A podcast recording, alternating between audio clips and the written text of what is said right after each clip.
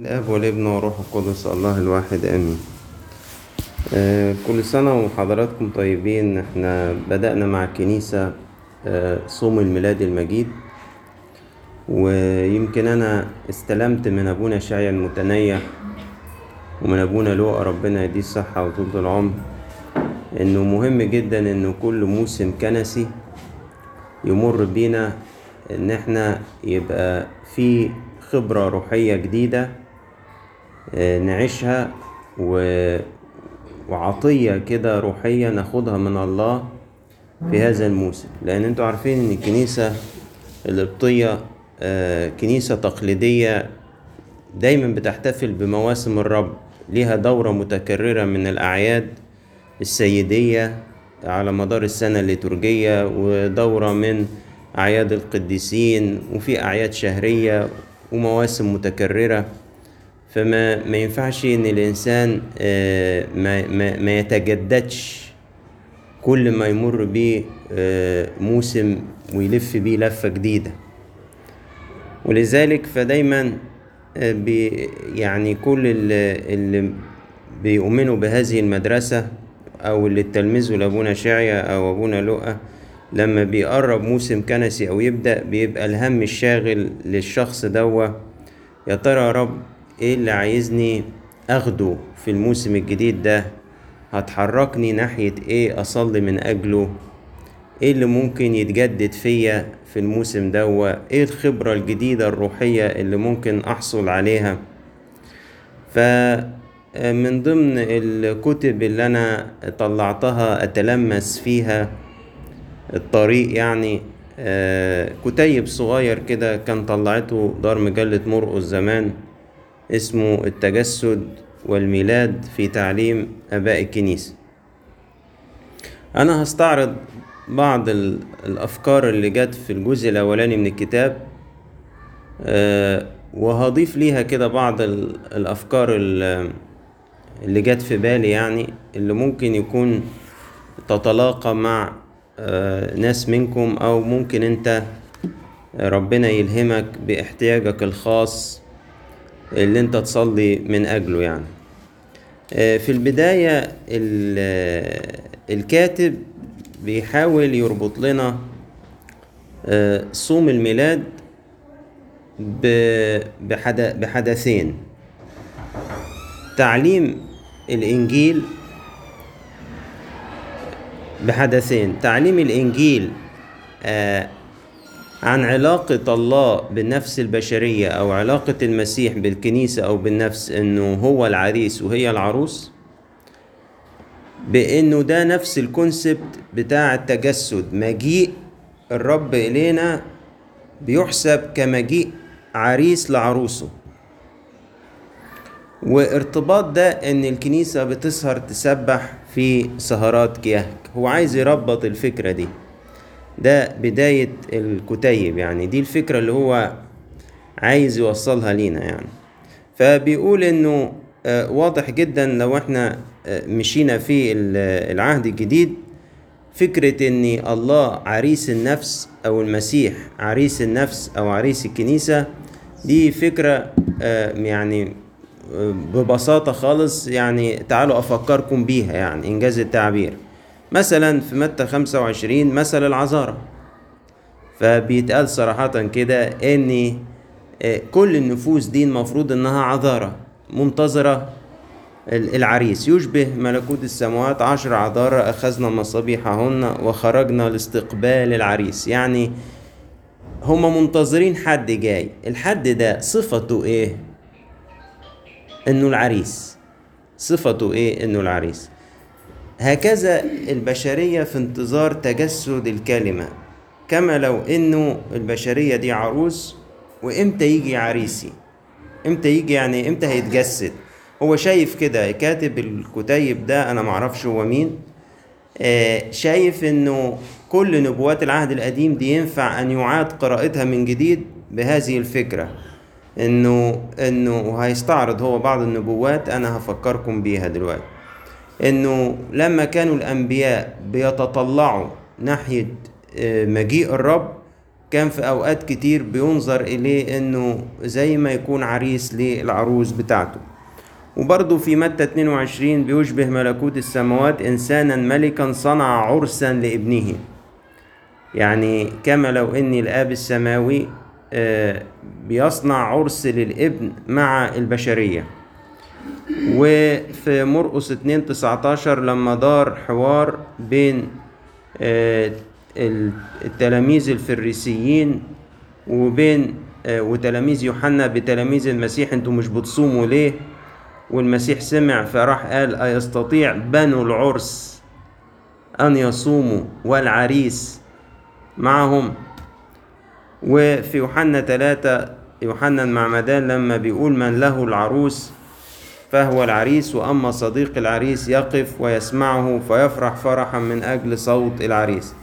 يعني الكاتب مش بيبذل مجهود كبير يقنعنا بالفكرة لأنها فعلا واضحة ولأن هي مغرقة فعلا يعني أصحاحات كتير في العهد الجديد. المسيح هو عريس الكنيسة والمسيح هو عريس النفس فإحنا قابلين إن إحنا نستقبل منه الفكرة دي.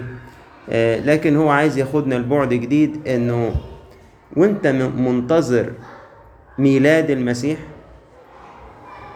أو البشرية منتظرة تجسد الكلمة؟ المفروض إنه كان في فكرها ويكون في فكري وأنا صايم صوم الميلاد إن أنا منتظر مجيء المسيح لنفسي كمجيء عريس إلى آه، العروس آه، بتاعته. وبيقول عشان كده لهذا السبب عينه تدعون الكنيسة في زمن صوم الميلاد إلى السهر الروحي والتسبيح المتواصل لنتهيأ لقبول الرب. فمعروف أن صوم الميلاد وعلى الأخص شهر كياه يمتاز بالسهرات الروحية التي يزداد فيها التسبيح بفرح كثير والتهليل. طيب أنا فهمت قوي واقتنعت قوي إن علاقة المسيح بينا علاقة عريس بعروسه وقابل جدا فكرة إنه حتى البشرية في انتظارها لتجسد الرب كان يمكن توصيف الحدث ده بالعرس فعلا إن هو جاي يتحد بالبشرية. لكن لسه محتاج شوية إقناع إيه علاقة ده بالسهر. فالكاتب ياخدنا النقطة بيقول كده من الأمور الروحية المتيقنة أن السهر الليلي يكون أفضل مناسبة للاتحاد القلبي بالعريس. جبتها منين؟ بيرجع للمثل بتاع العذارى. ولما انتصف الليل صار صراخ وذا العريس قد يعني عايز يقول إيه؟ الوقت بيبقى وقت ليل. اللي جه فيه العريس فده يناسبه الإيه؟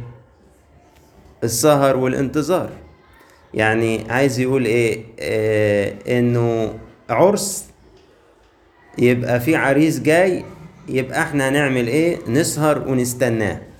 عشان كده الكنيسة بتسهر وبتعلم المؤمنين في صوم الميلاد انه حاجة من أساسيات الروحانية بتاعت صوم الميلاد هو السهرات الكيهكية. لأنه أنا مستني عريسي. أنا كنفس بشرية أنا مستني عريسي يجي. وهستناه بإيه غير بالسهر والتهليل والتسبيح؟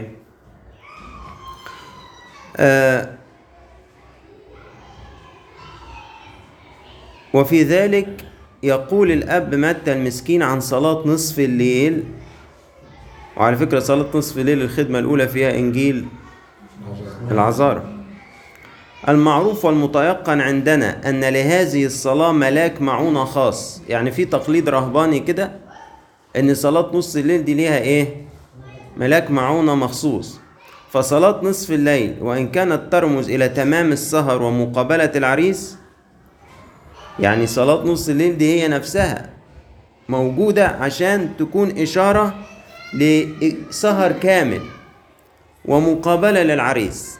إذا ده موجود في وجدان الكنيسة يعني الفكرة اللي هو عايز يقنعنا بيها عن صوم الميلاد وإيه الموضوع بتاعه موجودة بشكل مصغر كل يوم في صلاة نصف الليل. يعني عايز يقول إيه؟ خد بالك انتظار مجيء المسيح إلى نفسك. متشابه شوية مع انتظار البشرية كلها للمجيء التاني. يعني نفس الفكرة. ودي محتاجة سهر ودي محتاجة إيه؟ ودي محتاجة آه سهر. آه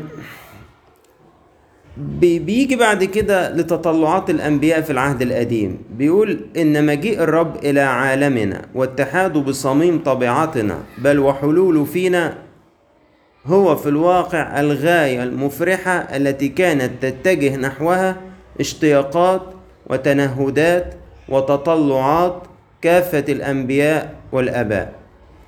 وبيستعير من رب المجد في يوحنا 6 يوحنا 8 56 قال أبوكم إبراهيم تهلل بأن يرى يومي فرأى وفرح. وهنا الكاتب بياخدها عايز يعممها على كل إيه؟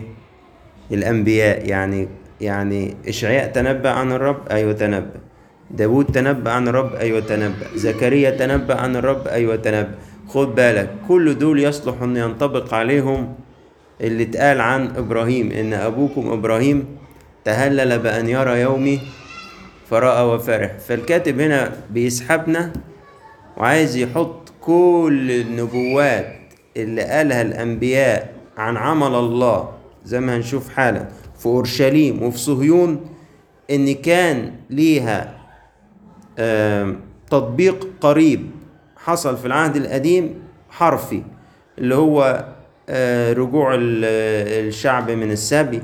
إنشاء الهيكل الثاني سكن الرب في الهيكل الثاني آه بس هي بصراحة كانت ترمي لتطبيق بعيد اللي هو مجيء الرب إلى عالمنا. سكناه في طبيعتنا البشرية تجسده. لما هنقرأ نبوات هتفهموا النقطة دي. هكذا كثيرا ما نجد الأنبياء يتجاوزون الظلام المحيط بهم ويتطلعون إلى هذا اليوم المضيء فيرون اتحاد الله بالبشرية فيصفونه بأبهج الألفاظ كاتحاد فائق بين عريس وعروس. هنا الكاتب تجاهل المعنى التاريخي للنبوات واتجه على طول للمعنى البعيد. هو المفروض إن كل نبوة ليها تطبيق في زمنها. في الأغلب يعني أو غالبية النبوات. لها تطبيق في زمانها أو بعد زمانها ده بعشرات السنين يعني. وليها ممكن ترمي على تطبيق إيه؟ نبوي بعيد في زمان العهد الجديد. هنا الكاتب أسقط التطبيق اللي كان حاصل ساعتها واعتبر إن لما أشعيا تنبأ لما إرميا تنبأ لما دانيال تنبأ لما داود تنبأ كما لو إن بس هم كانوا بيتنبأوا عن حدث مجيء الرب لل- للطبيعة البشرية أو التجسد. بس هو الحقيقة مش كده بالظبط. هو كانوا بيتنبأوا الحاجة تخص زمانهم ولكن رمت على زمان آخر. يعني عايز أديكم مثال لنبوة اتحققت مرتين. من مصر دعوت ابني. دي جت في في هوشع تقريبا. لا مش مش أشعيا لا.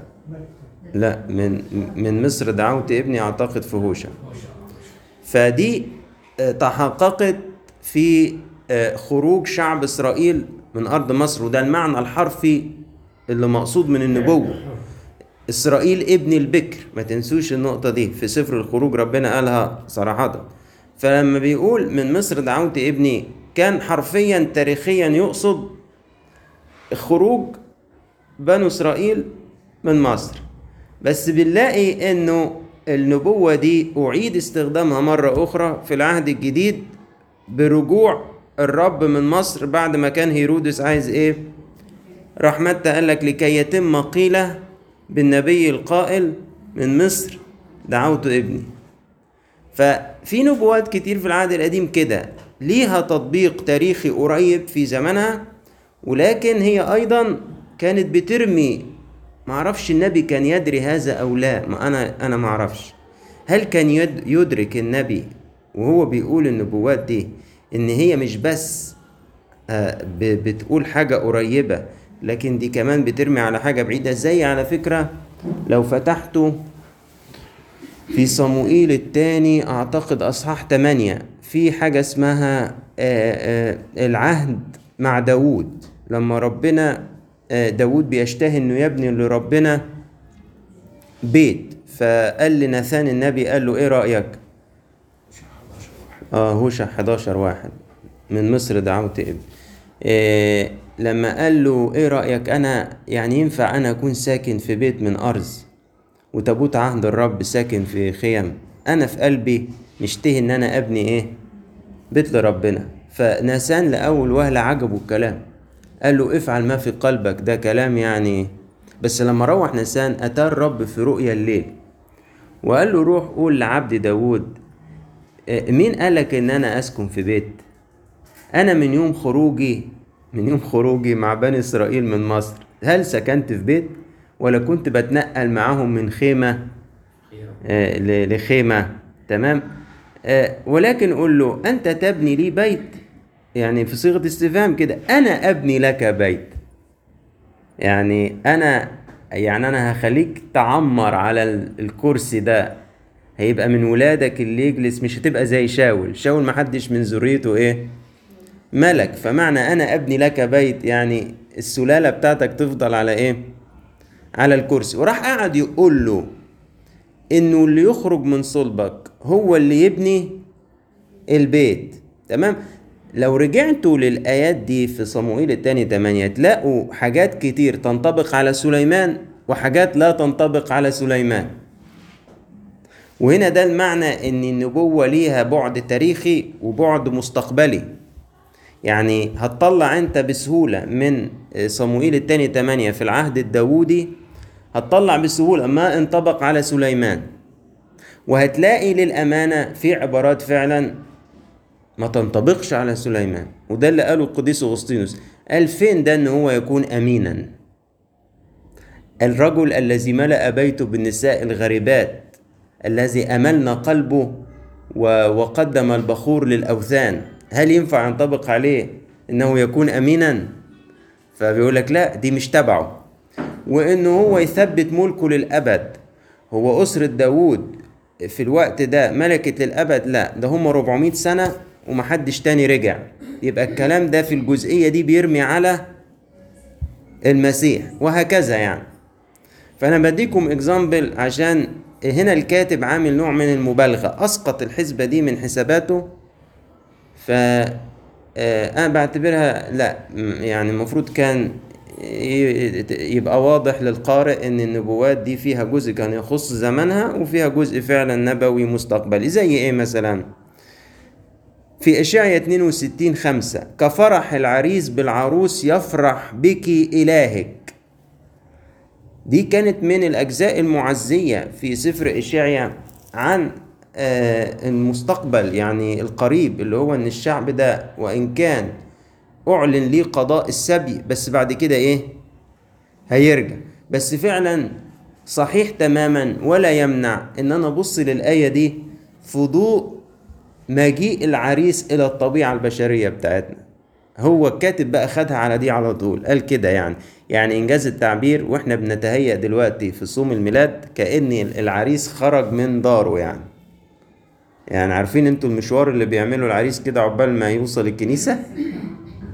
آه ينزل ومش عارف يروح عند الكوافير ومش عارف ومش عارف يروحوا ال photo session ومش عارف يعملوا إيه.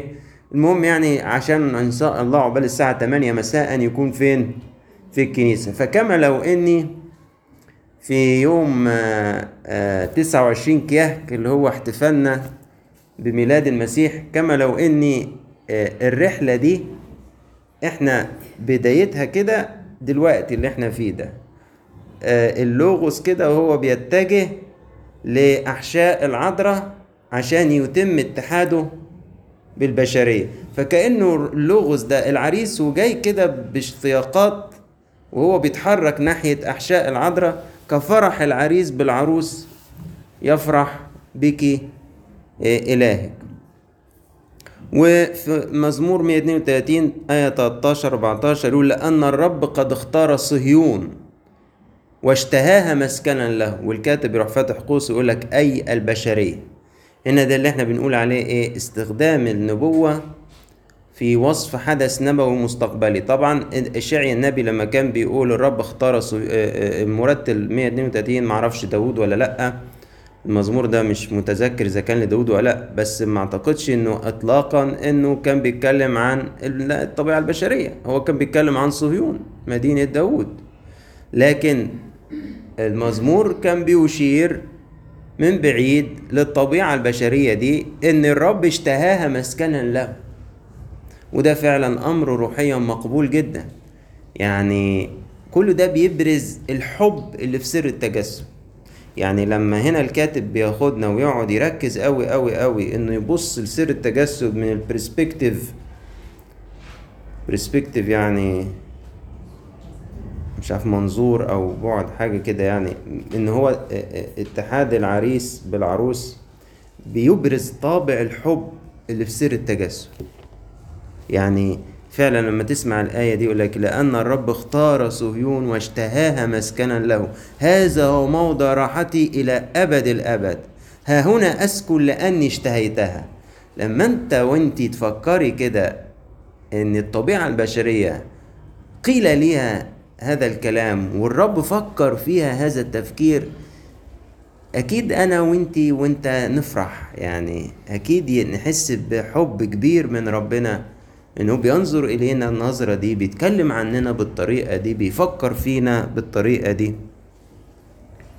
آه في أشعة 62 يقول لأن الرب يسر بك وأرضك تصير ذات بعل. يعني يعني الطبيعة البشرية كانت أرملة عقيمة قبل مجيء الرب إليها. كانت لا تستطيع أن تثمر ثمار البر ولا ثمار الروح. لما جاء الرب واتحد بها كعريس وده هو بيقوله قدام أخصبت يعني حملت وأنتجت وولدت ولدت ثمار الروح. كانت قبل كده عقيمة. آه افتكرت وأنا بقرا الكلام ده لما إبراهيم بمرارة كده قال لربنا ها أنا ماض عقيما. وحسيت يا لو البشرية كانت بتقول كده قبل تجسد الرب كده وهي حزينة كده تقول إيه ها أنا ماض عقيما. هنا وهخرج أنا بقى بره الكتاب على الجزء اللي يخصني أنا شخصيا.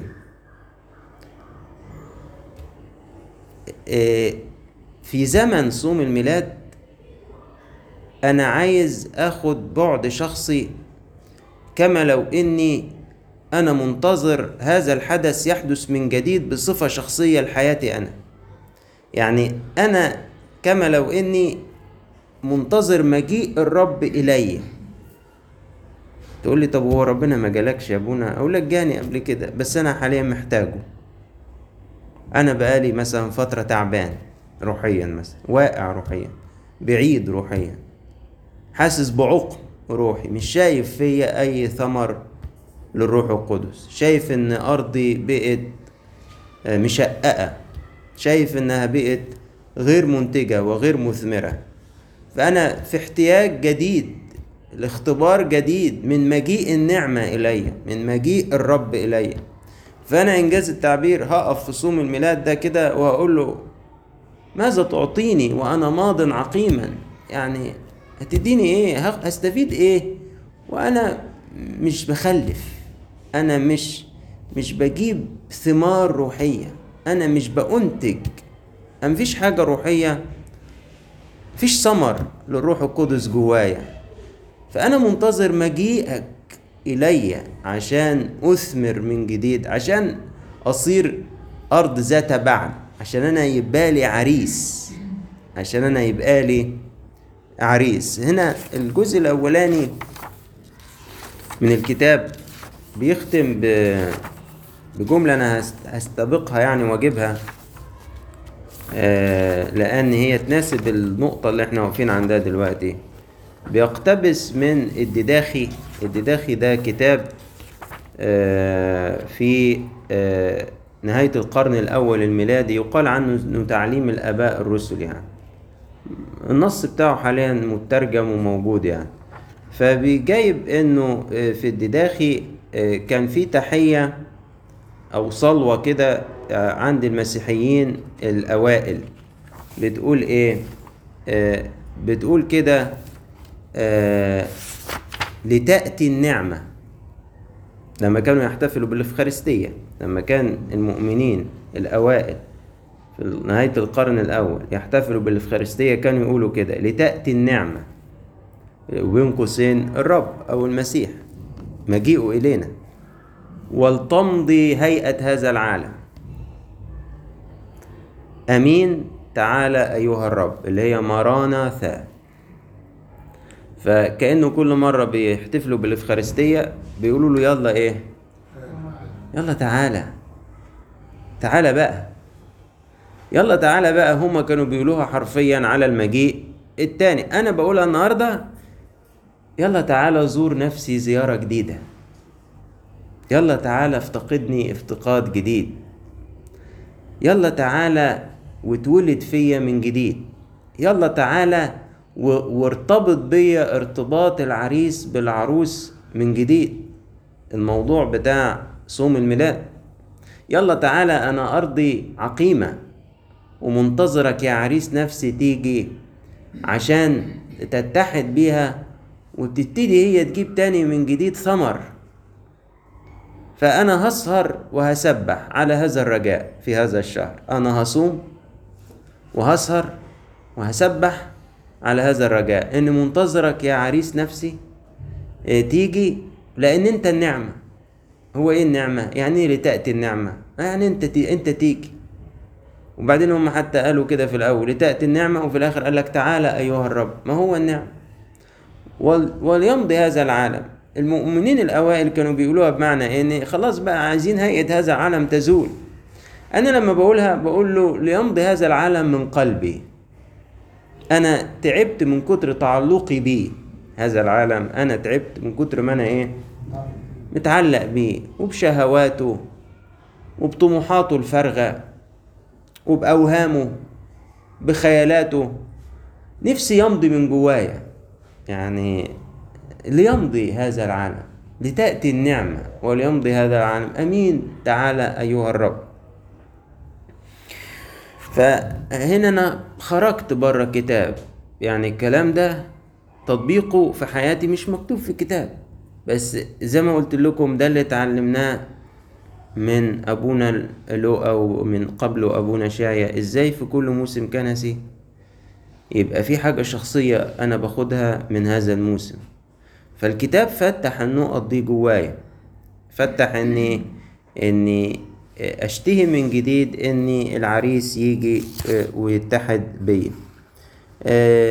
الحقيقة في آيات رائعة جدا في صفانيا وزكريا برضو اتقالت في وقتها عن مجيء الرب لصهيون بس هي تنفع تنطبق تماما على مجيء الرب إلى طبيعتنا البشرية وهنشوف إزاي الكاتب قدر يربطهم ببعض. في صفانيا 3 آية 14 و 15 بيقول كده ترنمي يا ابنة صهيون اهتف يا إسرائيل. افرحي وابتهجي بكل قلبك يا ابنة أورشليم. ملك إسرائيل الرب في وسطك. لا تنظرين شرا. الرب في وسطك هو عاملها كده بولد يعني متخن الخط اللي كاتب فيه لأن الجزء ده هو اللي هيتكرر في آيات كتير موضوع إن الرب في وسطك ده. في صفانيا 3 17 يقول الرب إلهك في وسطك وبرضه عاملها بولد كده تخينة.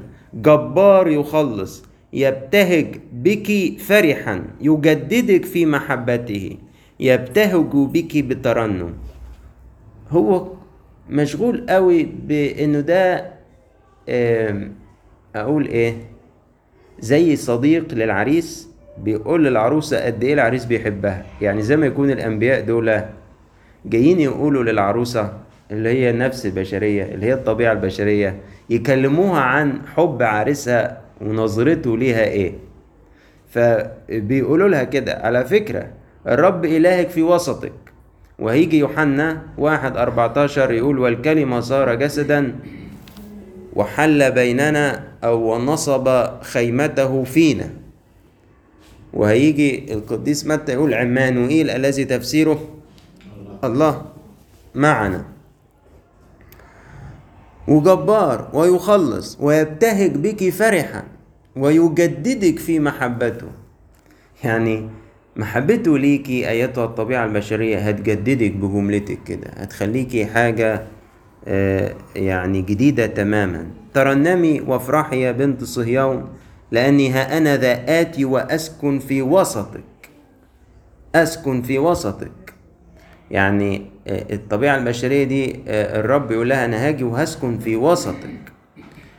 والحقيقة إنه آه، دي مش مش تأملات بعيدة كده في خيال الكاتب. لأن ليتورجية الكنيسة بتسند ادعاءاته. يعني أنا لو لو افترضت إن كل اللي بنقرا ده ادعاء يحتاج إلى إثبات إن الكنيسة شايفة كده فببساطة خالص خالص كده أروح مطلع آه، سقوطكية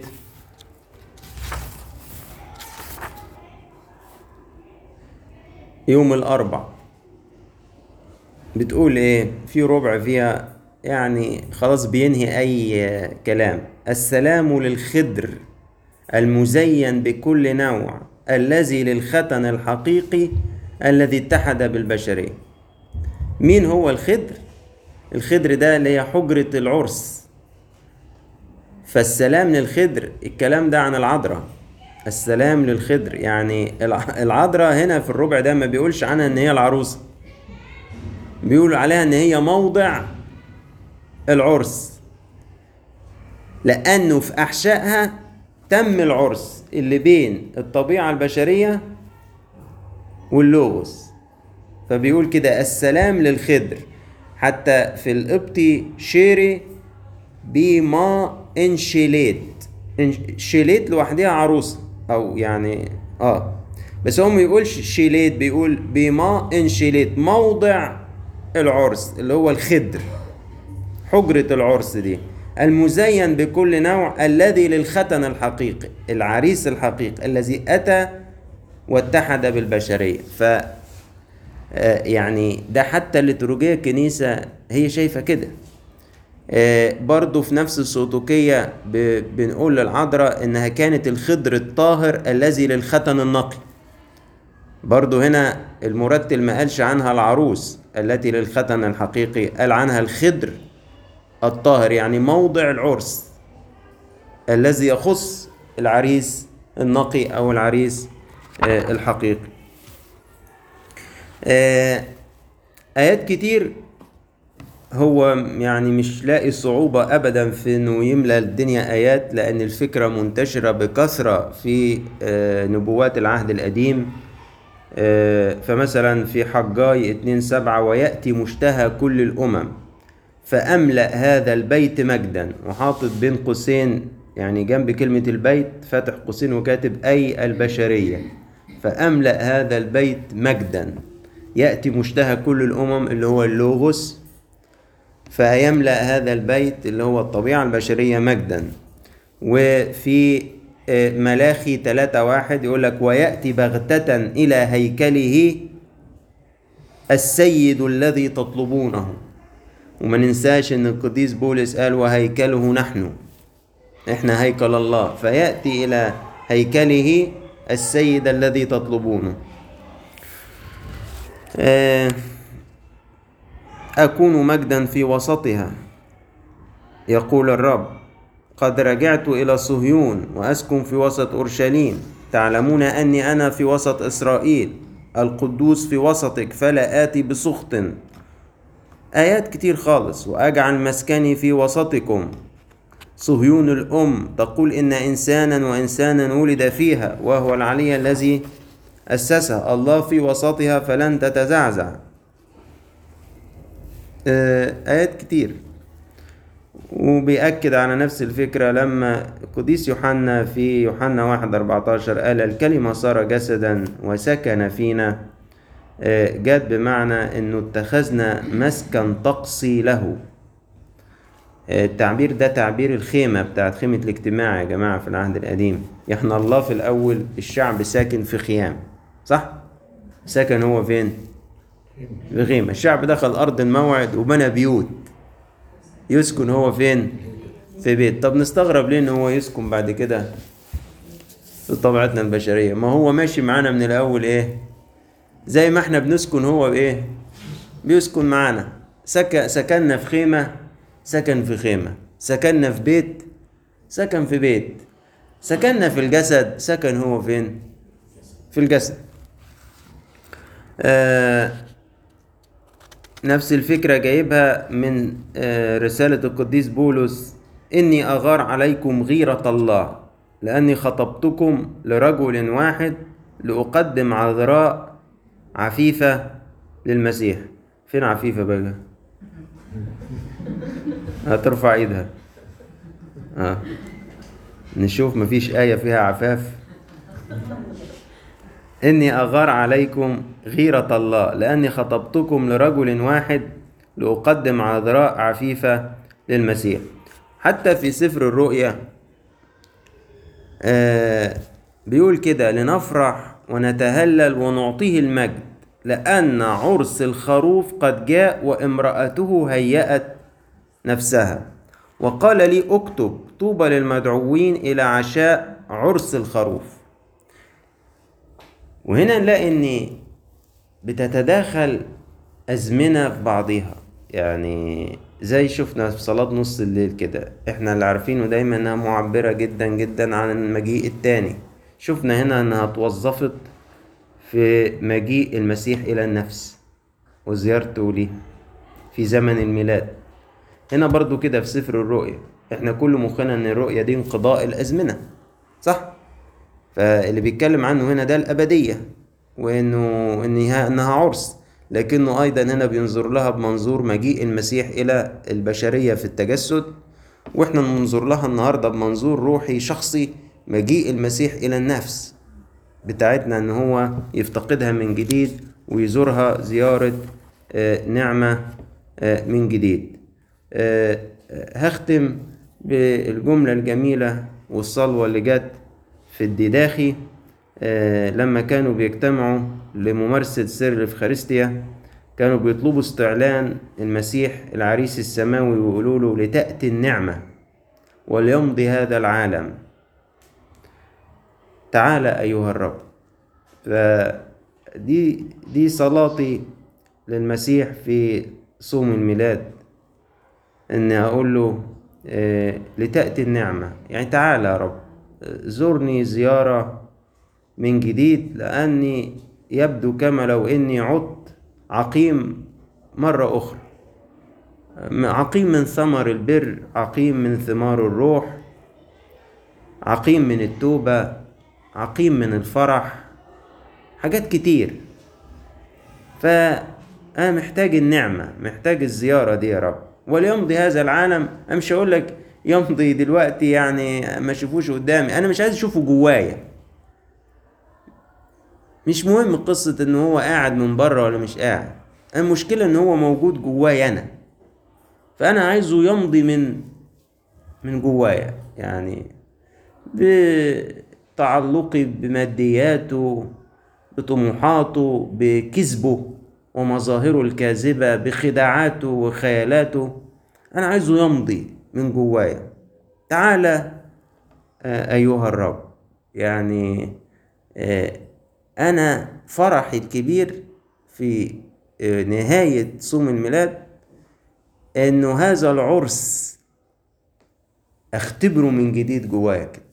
يعني اللي اتكلم عنه الأنبياء دول واللي استعرض استعرضوا الكاتب هنا في الجزء الأولاني من الكتاب والحب ده اللي انت بتحبه للنفس البشرية والطبيعة البشرية وكلام الغزل وال والهيمان بالطبيعة البشرية ده اللي نقلوا لينا أصدقائك أصدقاء العريس الأنبياء أنا أنا عايز أختبر ده في زمن الميلاد يعني جوايا وفي حياتي. ولإلهنا كل مجد وكرامة إلى الأبد آمين. طبعا أنا ما استعرضتش يعني نص الكتاب